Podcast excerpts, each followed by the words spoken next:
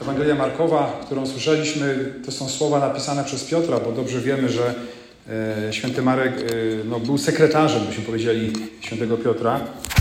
E, święty Piotr, rybak, dziad z pradziada, obeznany z jeziorem, tym bardziej galilejskim. Można powiedzieć, zęby stracił na jeziorze galilejskim. Dlaczego o tym mówię? Bo dziwna jest ta sytuacja dla mnie, którą Marek opisał. Znaczy nie jest dziwne ta burza, bo do dzisiaj jezioro galilejskie jest tak skonstruowane, że do dzisiaj to jest. Ono jest spokojne, spokojne, spokojne, nic się nie dzieje, płytka tafla, nagle jak pierdyknie, nagle robi się burza znikąd, wielkie fale, trzęsienie wody, 5-6 minut, psz, cisza, spokój.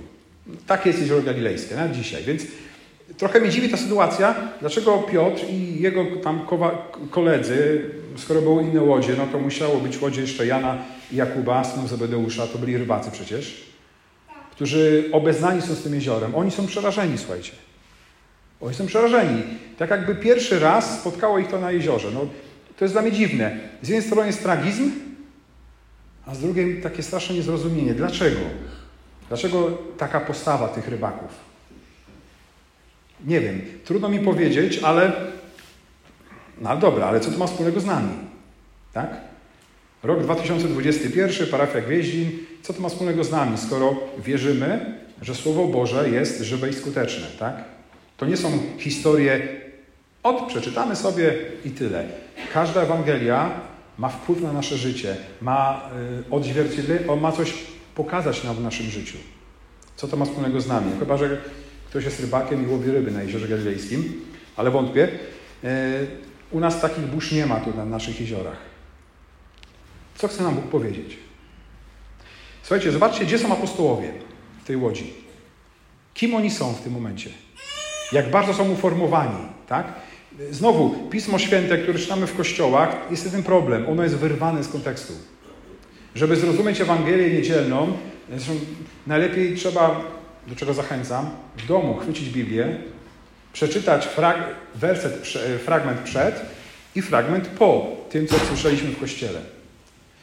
Co było wcześniej? Wcześniej apostołowie widzą cuda Jezusa. Wcześniej apostołowie słyszą Jego nauki, tak? Tydzień temu było, że Pan Jezus jeszcze brał apostołów osobno i im jeszcze wyjaśnia dodatkowo, tak? Formuje ich, utwierdza ich. Oni widzą cuda, wierzą w Niego, kochają Go, jest ich, jest ich nauczycielem i Mesjaszem. A, wiezie, a na obódce? Jakby o tym zapomnieli. Jakby o tym zapomnieli. Wiecie, nie wiem, czy tak macie, ja tak mam. Czasem jest tak, że lubię sobie usiąść i rozpamiętuję te chwile, które były fajne w życiu. A wtedy było fajnie, tak?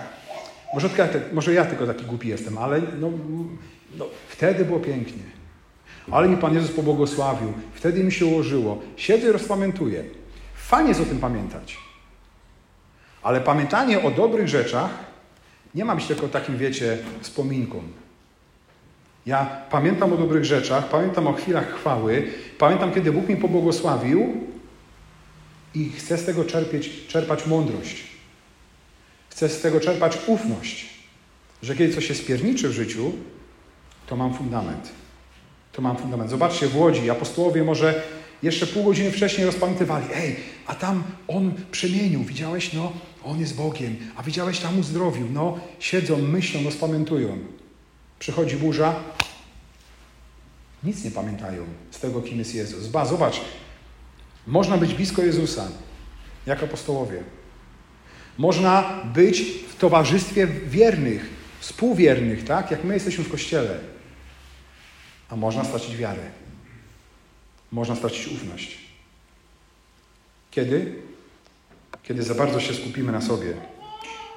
My nie potrzebujemy Jezusa dotykać namacalnie. No fajnie by było, tak?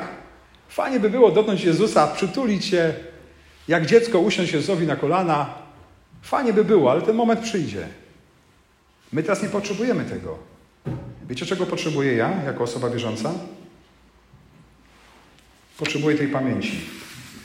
Potrzebuję pamięci, że kiedy jest źle, mimo że nie, nie czuję namacalnie Boga, to wiem, że On jest. Kiedy jest jakaś burza w moim życiu, ja pamiętam te fajne chwile, te chwile błogosławione i to mi pomaga nie zdezerterować. że On jest. Bo fajnie się chwali Pana Boga, kiedy się układa, co? Fajnie się, Panie Boże, bądź błogosławiony, bądź uwielbiony, jak ja Cię kocham, Jezu. A ktoś pieprznie w życiu? A ktoś pieprznie w życiu? Słuchajcie, znacie swoje życie, ja znam swoje. Znamy swoje blaski i cienie, tak? Ile burz przeszliśmy już? Ile burz jest w naszym życiu?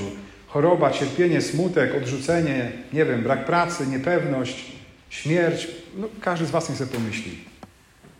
Ile tych burz było? Ale ja chcę stać w prawdzie. I nie chcę myśleć o tym, że teraz jest mi źle, ale chcę pamiętać, że było dobrze, Bóg mi pobłogosławił i On mnie wyprowadzi z każdego nieszczęścia. I może czasem to nasze życie wygląda tak, no nie? Góra, dół, góra, dół, góra, dół, prawda? Raz jest fajnie, raz jest do kitu. Góra, dół, góra, dół. I tak przez całe życie. Wiecie, co to jest? Wykres EKG. A wiecie, co to oznacza? Jak nam skacze? Co to oznacza? Że żyjesz. Że żyjesz. Więc dziękuj Panu Bogu, że raz jest tak, a raz jest tak. Raz jest tak, a raz jest tak. Dziękuj Panu Bogu. To znaczy, że żyjesz. Żądaję Ci swoją łaskę. Jak będzie tak, to już będzie po ptokach na tym świecie. A wtedy będzie zupełnie inaczej. Ja Panu Bogu dziękuję. Mimo, że człowiek nie chce być ciągle tu, ale będzie tak, i tak, i tak, i tak. Góra, dół. Wykres EKG. To co? Ja chcę mu ufać. Nawet wtedy, kiedy nie widzę sensu. Ja chcę mu ufać. Nawet wtedy, kiedy się kłócę z nim. Ja chcę mu ufać, bo wiem, że on jest. On jest. Mimo, że czasem powiem, Boże, czemu śpisz? Gdzie jesteś? On jest. Bo jeszcze wczoraj był przy mnie, kiedy było dobrze. Dzisiaj, kiedy jest źle, też jest przy mnie. I mnie wyprowadzi z tej burzy. Ufasz mu?